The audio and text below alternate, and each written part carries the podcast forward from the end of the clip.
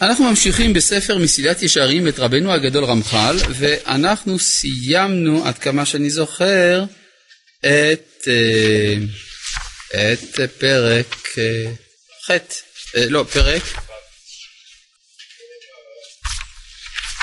פרק ה' סיימנו ואנחנו מתחילים את ו', נכון? אנחנו מתחילים את פרק ו'? אכן, טוב. בביאור מידת הזריזות. כלומר, אנחנו הולכים לפי הברייתא של רבי פנחס בן יאיר, לפי הברייתא של רבי פנחס... אמרתם שם?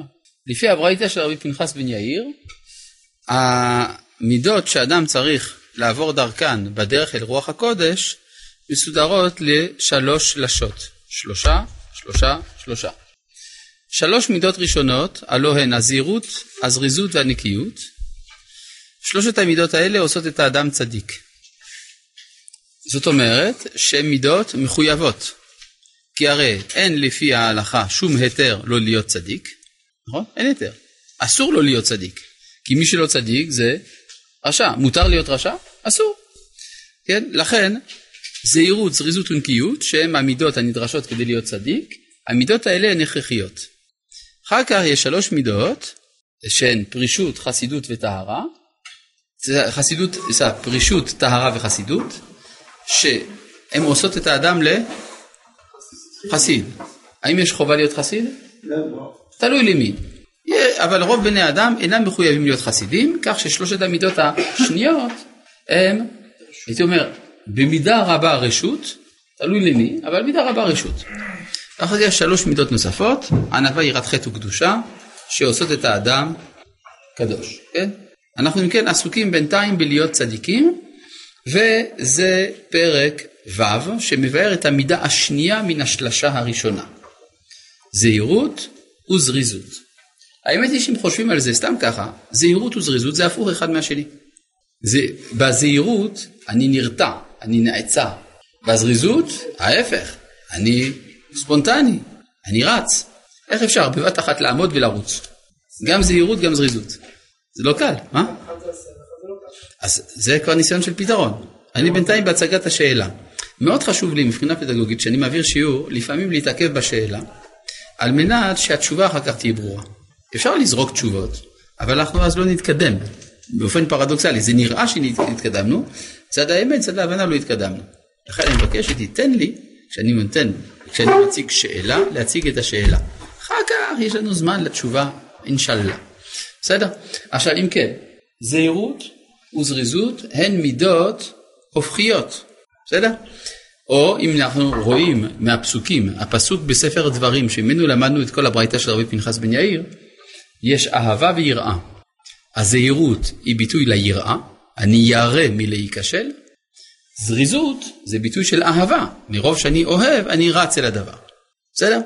אז כך שיש לכאורה סתירה בין הזהירות לבין הזריזות. והנה, אומר לנו רבי פנחס בן יאיר, זהירות מביאה, מביאה לידי זריזות. או נגיד אחרת, היראה מביאה אהבה. אפשר להבין את זה קצת. ברגע שאני מעריך נכון את המרחק ביני לבין הדבר הנאהב, אז מאותה שעה אני מתחיל לאהוב. כלומר, היראה מביאה את האהבה.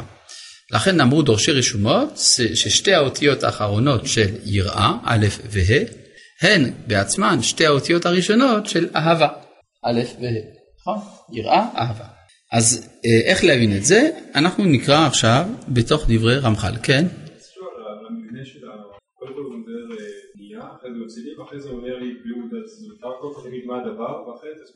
זה מה שהוא עושה.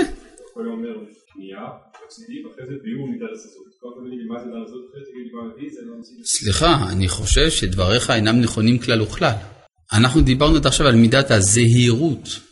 עכשיו אנחנו עוברים למידה חדשה, והיה לו פרק על בביאור מידת הזהירות, אחר כך כניעתה, אחר כך מפסידיה, ועכשיו אנחנו עוברים למידה השנייה, הלוא היא מידת הזריזות. בסדר. פרק ו' בביאור מידת הזריזות. אחר הזהירות יבוא הזריזות. כי, אה, הנה זה מה שרצית להגיד, הזהירות סובב על הלא תעשה, והזריזות על העשה. והיינו, סור מרע ועשה טוב. אז יש שתי בחינות. יש שהאדם מתרחק מן הרע באשר הוא רע, והוא דבק בטוב באשר הוא טוב, כך שבעצם אין פה שום סתירה, כי הזהירות היא כלפי דבר אחד, הזריזות כלפי דבר אחר. פשוט. ועניינו של הזריזות מבואר. למה אומר עניינו ולא עניינה? אז מה אם זה מידה? מידה זה נקבה, נכון? אה? כי פשוט המילה זריזות זאת מילה זכרית, לא נקבית. המילים המסתיימות באות, חסידות, ישרות וכדומה, זה מילים שהם במין זכר. אבל בעברית מודרנית החליטו באקדמיה שכל המילים האלה תהיינה נקבה. אבל רמח"ל שחי לפני האקדמיה עדיין הולך לפי הנוהג של העברית הרבנית הישנה שהמילים המסתיימות באות הם זכר. בסדר? זה לא שרמח"ל לא יודע עברית, הוא מדבר עברית אחרת מהעברית שלנו. זה הכל. טוב, אחר, אז אני חוזר פה לדברים, ועניינו של הזריזות מבואר. אז זה מבואר, מובן בעצמו, שהוא ההקדמה למצוות ולהשלמת עניינם. מה פירוש המילה הקדמה? זה לא כמו בעברית שלנו, שוב, עוד פעם בעברית שלנו, שאתה, מה? לא, הקדמה, בעברית מודרנית הקדמה זה מבוא. אבל פה הקדמה הכוונה שזה אדם מזמן את עצמו, הוא מקדים את עצמו. כן, ההקדמה אומרת שהוא של התקדמות, כן? שוב אתם רואים איך שלפעמים שינוי בשפה העברית יכול להטעות את הלומד. ועניין... הרמח"ל דבק בעברית של פעם, וכיוון שהשפה זה דבר שמשתנה, אנחנו לא מחויבים לדבר בעברית של פעם. משתנה, משתנה, צריכה להשתנות נכונה. מה זאת אומרת להשתנות נכונה? לא, לא כל אחד יתקע מילה, אבל יש גם איזו דינמיקה עצמית של השפה. למשל, אה, אה, יש, יש פועל בעברית לתרום. מכיר את הביטוי הזה? לתרום. הפועל הזה לא קיים בתורה. בתורה יש תרומה. תרומה, אבל הפועל זה להרים, נכון? והרמותם ממנו את תרומת השם. והרמותם תרומה, ייקחו את תרומתי. הפועל זה להרים. השם שיצא מן הפועל זה תרומה. ובעקבות כך המציאו חז"ל פועל חדש, לתרום. בסדר? זה כמו, יש לפקוד, לפקד, תפקיד, לתפקד. כן? כלומר, יש פעלים שמתפתחים. זה דרכה של השפה שהיא מתפתחת. כן. ושם. נו. ודאי שצריך לשמור על השפה, והשפה מתפתחת. ודאי, צריך, כשאומרים שישראל שמרו על לשונם, שמרו על לשונם בכל שינוייה. זה דבר, שני דברים שונים. השפה מתפתחת וצריך לשמור על השפה. לא צריך לשמור על הצורה של השפה, הצורה הארכאית של השפה. כן? שאם לא כן, כשאתה תראה ילד שעושה שטויות, אתה תגיד לו, איככה לא תבוש? כן? הוא לא יבין מה אתה מדבר. כן? כן, עוד מעט אתה תחתום לי על המחאות. כן? הוא תדבר בסך רחוק. באמת. טוב. מה? מי אמר שזה טעות? דרכה של שפה שהיא מתפתחת. זה גמרא מפורשת בתלמוד הירושלמי, לשון תורה לחוד ולשון חכמים לחוד. זאת אומרת שאיך שחכמים מדברים ואיך שהתורה מדברת זה לא אותה שפה, נכון? טוב, אז זה בסדר גמור, לכן כל הטענות שהעברית המודרנית איננה לשון הקודש בגלל שהשינויים שהיא עוברת זה שטויות. טוב, ועניינו של הזריזות מבואר, שהוא ההקדמה למצוות, כמו שאדם מקדים את עצמו למצוות, ולהשלמת עניינם. מה זה להשלמת עניינם? לגמור את המצווה. כן, אדם יש לו מצווה, הוא מזדרז לעשותה, מזדרז להיות אחרי המצווה. את זה אנחנו רואים הרבה פעמים למשל בתפילה. כן? אנשים מאוד מזדרזים להיות אחרי התפילה. לזריזות. כן. וכלשון הזה אמרו זיכרונם לברכה, זריזים מקדימים למצוות. וזה, כי האמת היא שגם היה המקום להגיד הפוך, שאולי אדם שיש לו מצווה צריך לאחר, כדי להישאר כמה שיותר עם המצווה. למה אתה רוצה לפתור את עצמך? כן? היה, היה צד לומר שאדרבה, צריך ללכת לאט עם המצוות. אלא שאיך אמר המהר"ל בדרך חיים, העולם הזה עולם השינוי. ואם אה, יש עכשיו הזדמנות לקיים המצווה, ההזדמנות הזאת מן הסתם לא תחזור על עצמה עוד חמש דקות. לכן צריך להקדים. אה, כי כמו שצריך פיקחות גדול, למה אומרים פיקחות גדול ולא גדולה? כי המילים, יפה מאוד, כי המילים המסתיימות באות בעברית של תקופתו זה בזכר. כי פיתחות גדול והשקפה, כי כמו שצריך פיקחות גדול והשקפה רבה להינצל ממוקשי היצר ולהימלט מן הרע, שלא ישלוט בנו להתערב במעשינו, כן צריך פיקחות גדול והשקפה לאחוז במצוות ולזכות בהם, ולא תאבדנה ממנו. טוב, יש פה בעיה, למה כתוב לזכות בהם ולא לזכות בהן, נכון? יש פה בעיה, נכון? על פי הדקדוק מצוות זה נקבה. אז צריך להיות כתוב לזכות בהן. ותאבדנה הרי זה נקבה, אז מה זאת אומרת צריך לזכות בהם? טוב, פה יש איזה, פה לא מצאתי איך לתרץ. טוב, כי כמו שמסבב ומשתדל היצר הרע בתחבולותיו להפיל את האדם במכמורות החטא, כן משתדל למנוע ממנו עשיית המצוות ולאבדם ממנו. כלומר יש פה שני דברים, היצר הרע מושך אותי לעשות רע, אבל הוא גם מונע ממני לעשות טוב. ואם יתרפא ויתעצל ולא יתחזק לרדוף אחריהם ולתמוך בם, יישאר נעור וריק, או נעור וריק, מהם בוודאי. עד כאן ברור? כן, ברור, נכון? יש מילה לא ברורה? כל המילים ברורות? גם ש... מה? בהם לא ברור, נכון. מכמורות? מכמורות מה זה? מה זה מכמורת? למה לא שאלת? שמת לב שאני ידעתי שאתה לא יודע את המילה, ושלוש פעמים אמרתי האם יש מילה לא ברורה, האם הכל ברור, וזה, נכון? אם מילה שאתה לא מבין, תגיד שאתה לא יודע מה זה, מה הבעיה? מכמורת זה רשת, רשת, שבה תופסים בעלי חיים, זה מלכודת, כן, זהו. טוב, ותראה, כי טבע האדם כבד מאוד. כי עפריות, כי עפריות החומריות גס. על כן לא יחפוץ האדם בטורח ומלאכה. אנשים אוהבים לנוח. ומי שרוצה לזכות לעבודת הבורא יתברך, צריך שיתגבר נגד טבעו עצמו ויתגבר ויזדרז. שאם הוא מניח עצמו ביד כבדותו, ודאי הוא שלא יצליח, והוא מה שאמר התנא, הווה עז כנמר, וקל כנשר, ורץ כצבי, וגיבור כארי, לעשות רצון אביך שבשמיים. מי אמר את זה אגב? בן עזאי. בן עזאי? יהודה בן תימה. ויהודה בן תימה? אני אני יודע למה אמרת בן עזאי, כי כתוב עז כנמר. נכון? בן תימה, יהודה בן תימה אומר, הווה עז כנמר, וקל כנשר, ורץ כצבי, וגיבור כארי, לעשות רצון אביך שבשמיים.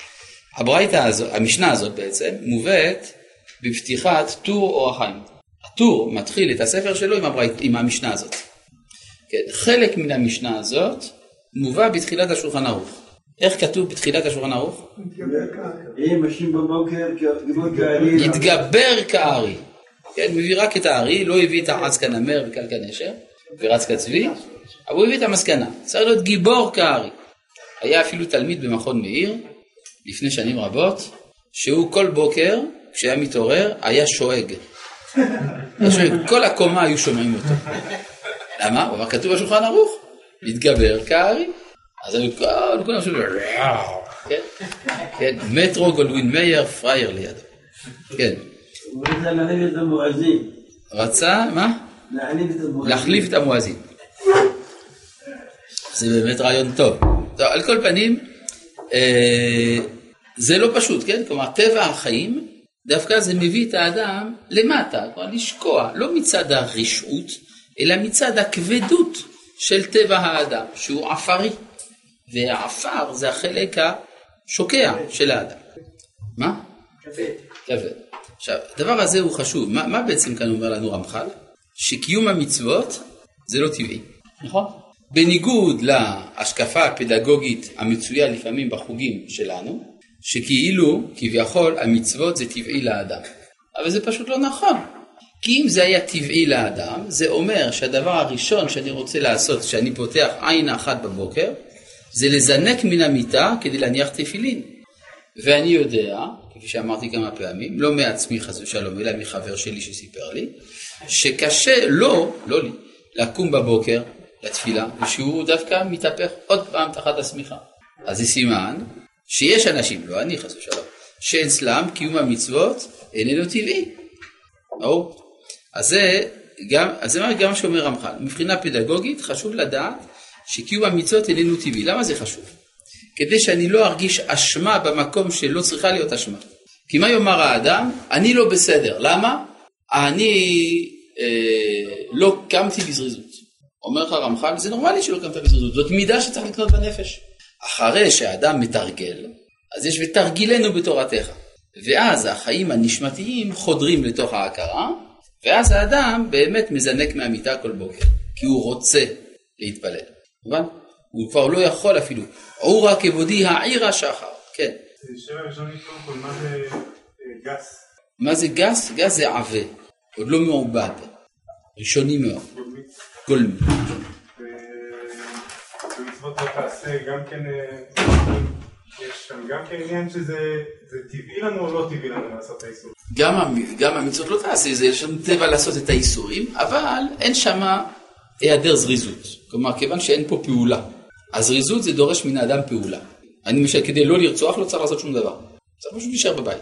כן? מה שאין כן, כדי להניח תפילין, אני צריך לעשות מעשה. אוקיי? טוב. וכן ענו חכמים זיכרונם לברכה בדברים הצריכים חיזוק. תורה ומעשים טובים, סימן שבלי חיזוק, אז אין תורה ומעשים טובים. ומקרא מלא הוא חזק ואמץ מאוד, לשמור לעשות ככל התורה אשר ציווך משה עבדי. כי חוזק גדול צריך למי שרוצה לכפות הטבע אל הופכו. והנה, שלמה שנה מאוד באזהרתו על זה, בהראותו את רוע האצלה וההפסד הגדול הנמשך ממנה, ואמר. כלומר, יש בספר משלי אריכות דברים בנושא הזה. על העצלות, על העצלות. על העצלות, אני נכון. בחוץ. מה? אני בחוץ, אל תלך עוד. אני בחוץ, אני, אני. ארי בחוץ, כן, נכון. ואמר, מעט שנות, מעט תנומות, מעט חיבוק ידיים לשכב, ובא כמהלך ראשיך ומחסורך כאיש מגן. כי הנה, מה? מה הבעיה? כי הנה העצל, אף על פי שאינו עושה רע, בקום מעשה. הנה הוא מביא את הרע עליו, בשב ואל תעשה שלו. ואמר, גם מתרפא במלאכתו, אך הוא לבעל משחית. כי אף על פי שאינו המשחית העושה את הרעה בידיו, לא תחשוב שהוא רחוק ממנו, אלא אחיו הוא, ובן גילו הוא. ואמר עוד, לבאר רעה תעצל ביאור ציורי, מה שיקרה וייוולד לעינינו יום יום. על שדה איש עצל עברתי, ועל כרם אדם חסר לב, והנה עלה כולו כמשונים, כוסו פניו חרולים, וכולי. ויחזה אנוכי, אשית ליבי, ראיתי, לקחתי מוסר, מעט שנות, מעט תנומות, ובה מתהלך ראשיך. והנה, מלבד פשוטו אשר הוא אמיתי כמשמעו, שהוא מה שקורה לשדה העצל ממש, כן, אדם לא מאבד את העצל, אה, את השדה, אז השדה מתמלא בקוצים. הנה דרשו בו חכמים זיכרונם לברכה מדרש נאה וזה לשונם. והנה עלה כולו כמשונים, שמבקש פירוש של פרשה ואינו מוצא. כוסו פניו חר- חרולים, מתוך שלא עמל בהם, הוא יושב ומטמא את הטהור, ומטהר את הטמא, ופורץ גדרן של תלמידי חכמים. מה עונשו של זה? שלמה פירש, ופורץ גדר, ישכנו נחש. זאת אומרת שמלבד העצלות בתחום הכלכלי הפשוט, שאדם לא מאבד את השדה שלו, יש גם עצלות בקיום המצוות, והעצלות בקיום המצוות מביאה בסוף לעבירות רבות. והיינו, כי רעת העצל אינה באה בבת אחת, אלא מעט מעט, בלא שידע וירגיש בה. כי הנה הוא נמשך מרעה אל רעה, עד שימצא טבוע בתכלית הרעה. הנה בתחילה אינו אלא מחסיר הטורח אשר היה ראוי לו, ומזה נמשך שלא ילמד בתורה ככל הצורך. ומפני חסרון הלימוד, כשיבוא אחר כך ללמוד, תחסר לו ההבנה, כי הרבה זמן כבר לא למד, אז הוא כבר לא רגיל בלימוד. והנה אילולא הייתה גורמת רעתו בזה, גומרת רעתו בזה, כבר הייתה רבה, אך עוד מתרבה והולכת במה שברצותו על כל פנים ליישב הפרשה בפרק ההוא. הנה יג- יגלל בה פנים שלא כהלכה, וישחית האמת ויהפכהו, ויעבור על התקנות ויפרוץ את הגדרים, וסופו חיל היה כמשפט כל גודר פרץ. כל פורץ, סליחה, או-אה, כל פורץ גדר. לא, יש גודר פרץ, זה ב... זה בישעיהו, יש פורץ גדר, זה הפוך, כן, בקהלת. אמר שלמה, ואחרי זה אנוכי אשית ליבי. עכשיו, הדבר הזה יש לו הרבה מאוד השלכות, למשל לגבי לימוד ההלכה. הרבה פעמים אנשים אומרים, אני לומד הלכה. אה כן? מה זאת אומרת שאתה לומד הלכה? הנה, לקחתי קיצור שולחן ערוך, לקחתי משנה ברורה, לקחתי ילקוט יוסף, לקחתי בן איש חי, כל אחד עם הספר הלכות שלו. והוא כל כך מבסוט שהוא לומד הלכות, שהוא מתחיל לתת מוסר לכל האחרים. והוא אומר, סבא, מה שאתה עושה זה לא נכון, כתוב בספר אחרת. והוא רואה את החבר שלו לחדר, והוא אומר, זה לא נכון מה, ש... מה שאתה עושה, כתוב בספר אחרת. הוא מתחיל להיות מבלבל המוח הראשי לכולם. וכל זה למה? בגלל שהוא חושב שהוא למד הלכה. מצד האמת, מי שלמד הלכה באמת, זה אדם שהעמיק מאוד בתורה. כלומר, כדי לדעת הלכה אחת, אתה צריך ללמוד אלף דפים. אז מה תעשה? עד שתלמד כל האלף דפים על כל הלכה לא תעשה? לא, מותר לך לעשות מה שקראת בספר. בתנאי אחד, שאתה לא תבלבל את המוח לאחרים, כי אתה לא יודע אם הם לא צודקים. בסדר? קיבלתי לאחרונה מייל ארוך, אחד התחיל להסביר לי שהחבר שלו לעבודה ממש לא בסדר. למה הוא לא בסדר? כי הוא מתפלל, מקיים מצוות, לומד תורה, עושה מעשים טובים, מקפיד בקלה כבחמורה, אבל הוא הולך בלי כיפה. ואני מנסה כל הזמן להסביר לו שזה לא בסדר שהוא בלי כיפה. כבוד הרב, האם אתה יכול להביא לי מקורות מפורשים לזה שחייבים לשים כיפה? עד כאן דברי המייל, המייליסט שרצה להציל את חברו מדינה של גיהינה. אז כתבתי לו, חברך צודק, אין חיוב לשים כיפה. אחרי יומיים קיבלתי מייל. אם זה היה תלמיד שלך, האיש הזה, היית ככה מורה לו? אמרתי לו, כן. כבר מכאן שאסור לבלבל את המוח. זה שאתה שם כיפה, כל הכבוד. זה שאתה חושב שכולם צריכים לשים, זה כבר שאלה אחרת. מה? אבל יש הלכה שמנהג ישראל נקבע להלכה. ההלכה היא שמנהג ישראל קובע את ההלכה, זה נכון. אז אם נלך ככה, אז רוב עם ישראל היום לא שם כיפה, לא, אז זה סימן שלא צריך לשים. כן, אם נלך לפי מה שאתה אומר. מנהג ישראל הקדום, גם כן לא שמו כיפה. לא, מה פתאום? אני רוצה שתדע לך, כל מי שיש לו סבא זקן, או מצפון אפריקה, או מאיטליה, או מגרמניה, שישאל אותו, האם הוא שם כיפה כשהוא היה צעיר. בתפילה? כן, כשאומרים ברכות, בבית הכנסת, בבית המדרש, אז שם. נכון, הלכו וגילו ראש, נכון, תלמידי חכמים אפילו. כן, אז כך ש... אתה אומר, הסבא הזקן חי אחרי השולחן ערוך, זה נכון, אין לנו היום זקנים שהם כל כך אה, זקנים ש... זה היה לפני השולחן ערוך, נכון. מה לא ללכת? מה?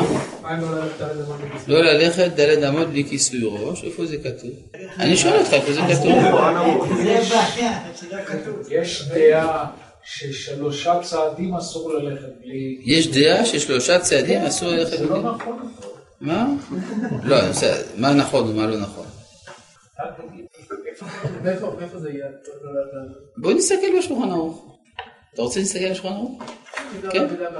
לא, אני מציע שנסתכל על השולחן ערוך. מה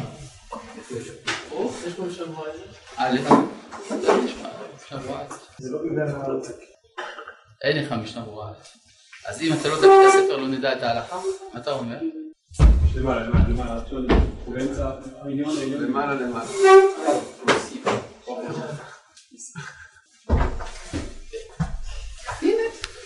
שולחן.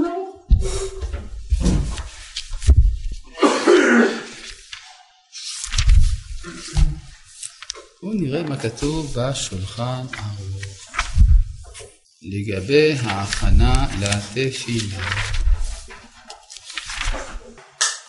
הנה.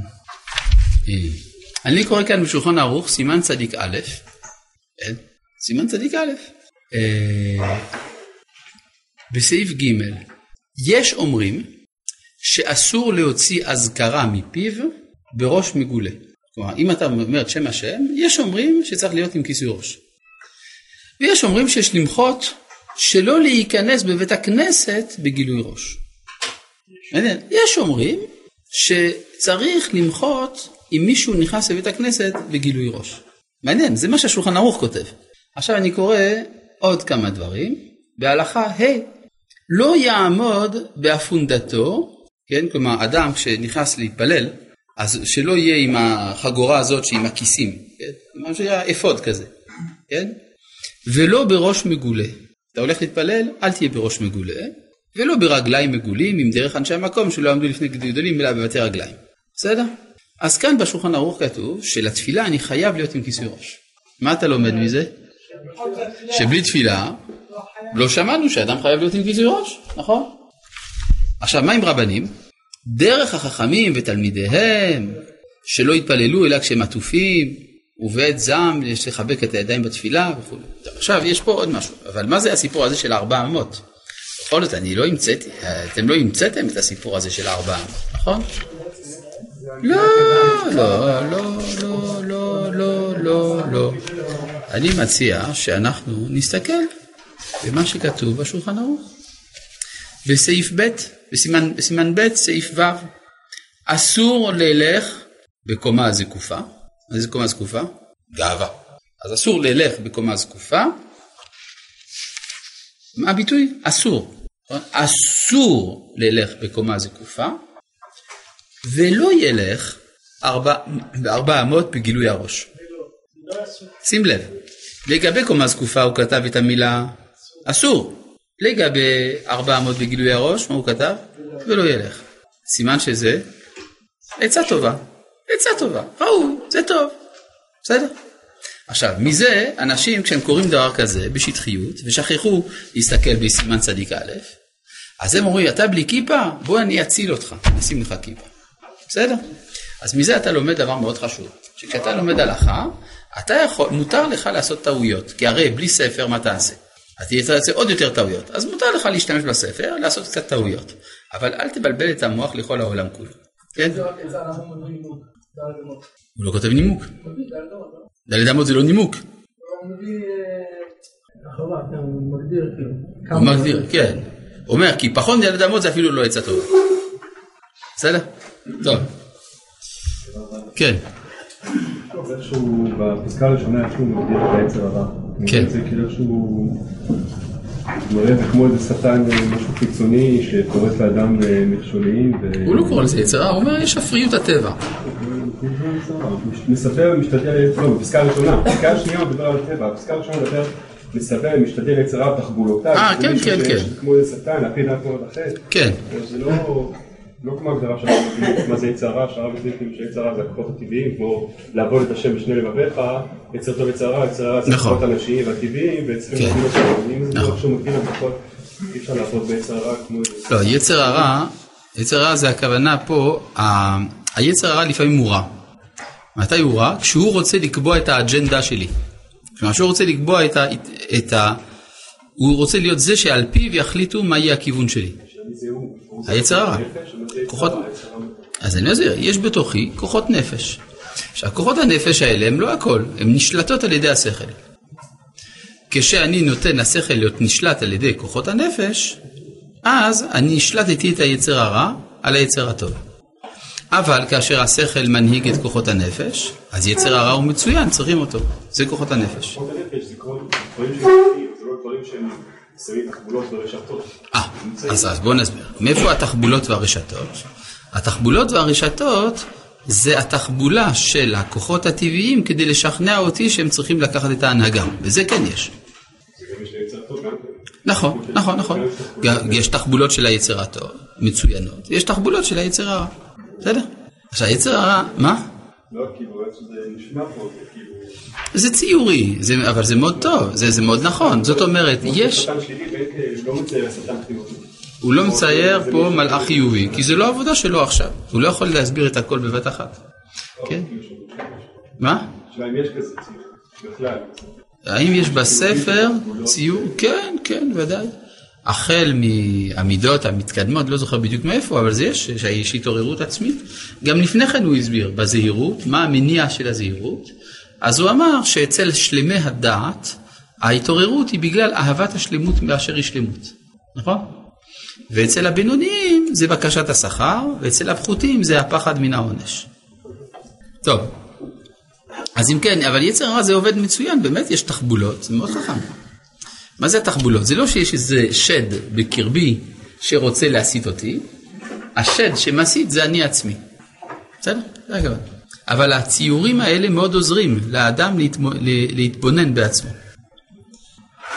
אה, כן, איפה היינו? אז כל זה היה בגלל חסר, מה שדיבר כאן על חסרון הלימוד, כן? וסופו כליה כמשפט כל פורץ גדר. אמר שלמה, ויחזה אנוכי אשית ליבי, התבוננתי על הדבר הזה וראיתי גודל הרע שבו, שהוא כארס ההולך ומתפשט מעט מעט, ואין פעולתו ניכרת עד המיתה. וזהו מעט שנות וכולי, ובא מתהלך רשך ומחסורך כאיש מגן. מה זה? רשך? התפילה. לא, לא ראשך, רשך. מלשון ריש. דהיינו דלות, כן. ובא כמהלך רשך, כלומר הדלות שלך תבוא כמהלך. אה, זה יש הרבה פעמים בעברית העתיקה שמחליפים אותיות אהבי. מה זה איש מגן? מה זה איש מגן? איש מגן זה האדם שמהלך לפני הגיבור ונושא את המגן שלו ביד. שהוא עושה הרבה דאווינים, כן? כלומר, הוא בא בביטחון כזה, או בתהלוכה. הוא בא, אחי מהלך, רשך, מהלך זה לא הולך, אלא מהלך זה אדם שמאוד מקפיד על צורת ההליכה שלו. כן? ומחסורך יבוא כמו איש מגן, שגם כן, הוא סוחב איתו בצורה אה, הפגנתית את המגן. כמו שמצאנו אצל גוליית, כשהוא בא להילחם בדוד. אז כתוב שמה שנושא הצינה לפניו. כן, מה אתה אומר? לא לגמרי הבנתי את מה שהרב הסביר על אה, שלא לבלבל למישהו אחר את המוח. כלומר, יש הרבה מצבים, במצב הקיצוני זה איש ואשתו. כלומר, אתה לומד הלכה. אתה צריך לסתום את הפה ולא להגיד לאשתך שלמדת שצריך בבית שיהיה הפוך. צריך לתת לה להתקדם לבד. כלומר, זה המצב הקיצוני, אבל בסוף זה גם עם חבר. יש לך איזושהי מידת אחריות. אתה נחשפת למשהו אני חדש. לא נגד אחריות על חבר. אה, בסדר, אבל הרבה פעמים יש לאנשים התנהגויות שמצד האמת הן ההתנהגות הנכונה. ומאחר ואין לך הידע, אתה חושב שההתנהגות לא נכונה. זה הכוונה. ברור? איזה כלים יש לי לא לעשות אותו. ה- הכלים כדי לא לעשות טעות זה ללמוד. זה מה שהוא אומר. ככל שאדם לומד יותר תורה, אז הוא יטעה פחות. פוסק הלכה, אני עדיין לא שם, זה כנראה... כל זמן שאתה לא. פוסק הלכה, אז תהיה פוסק הלכה. הרי כל אלה שהם פוסקי הלכה, הם בהתחלה לא היו פוסקי הלכה. מה עשה אותם פוסקי הלכה? הם למדו. אבל הבעיה היא עד כמה למדו. לא תמיד לומדים עד הסוף. לא, עד אז אני צריך לחיות לעצמי? מה? עד אז כן, צריך לחיות לעצמך, כי אם לא, אז אתה עלול לפגוע באנשים בצורה לא צודקת. ואם אני לומד הלכות כשרות בבית? זה כמו ש- ואני רואה משהו שעד כמה שאני מבין מתוך... ודאי, אז לא הלכות. כשרות, בסדר, אז אמרתי, עושים כמה טעויות. זה טוב לעשות לפי הספר. לא, אבל אם אשתי עושה הפוך, מה, אני לא... אשתך עושה לא הפוך, סוגר אז את ה- תלך לרב ותשאל. אם אתה עושה כך ואשתך עושה הפוך, זה סימן שצריך ללכת לרב. זה הפתרון. ללמוד ביחד את הספר? לא? ללמוד ביחד את הספר זה אולי עוזר, אבל אולי יש לה מסורת אחרת מהבית משלך. כן, כמו שהיה פעם איזה אה, אדם אחד שהזמין את החברים שלו אה, לחתונה שלו, והוא סידר שמה שהאוכל שבחתונה יהיה עטרה בית יוסף. ראש הישיבה שלו אמר, אתה מאכיל אותנו נבלות וטרפות, אסר על התלמידים להגיע לחתונה. הרב עובדיה יוסף התקשר לראש הישיבה ואמר לו, אני עורך את החופה ואני אשאר עד שאני אראה שיש תלמידים שמוכנים לרקוד. אני אוכל ואני... בסדר? זאת אומרת שאנשים לפעמים, בגלל שהם למדו אה, פה ושם איזה הלכה או איזה חומרה, הם חושבים שמותר להם להפוך את העולם על פי החומרה, ועושים דברים יותר חמורים. כן? הלבנת פנים ועוד כמה דברים כאלה. כן. אספר לך סיפור, הייתה פעם איזה ילדה שהמורה אמרה, היא הביאה עוגה לכיתה. היא הביאה עוגה לכיתה בבית ספר החרדי שלה, והמורה אמרה שאסור לאכול מהעוגה הזאת, בגלל שהיא נאפתה בתנור שבו בישלו ירקות של היתר מכירה. בסדר? אז זה נקרא שאדם לומד הלכה ואומר שטויות. היא הלכה לרב מרדכי אליהו. הרב מרדכי אליהו שאל אותה, האם יש לך אומץ? אמרה, כן. אז תלכי. אז היא אמרה, תתארחי אצל המורה שלך בשבת, ותגידי לה שאת לא רוצה לאכול. כי זה לא כשר, כי הרב אליהו אמר שזה לא כשר. היא עשתה את זה. ואז המורה שאלה, למה זה לא כשר אצלי? אמרה, בגלל שיש דעה בהלכה שאין שום אפשרות לעשות כוס תה בשבת, ואצלכם עושים כוס תה. בסדר? אז המורה הבינה את הטעות והיא ביקשה סליחה ועוד. אז יש הרבה אנשים עושים שטויות. כן? בגלל שהם למדו הלכה. כן, אה, מה? הרב אליהו מאוד מחמיר. כן, הרב אליהו היה מחמיר מאוד, אבל הוא ידע גם את ה...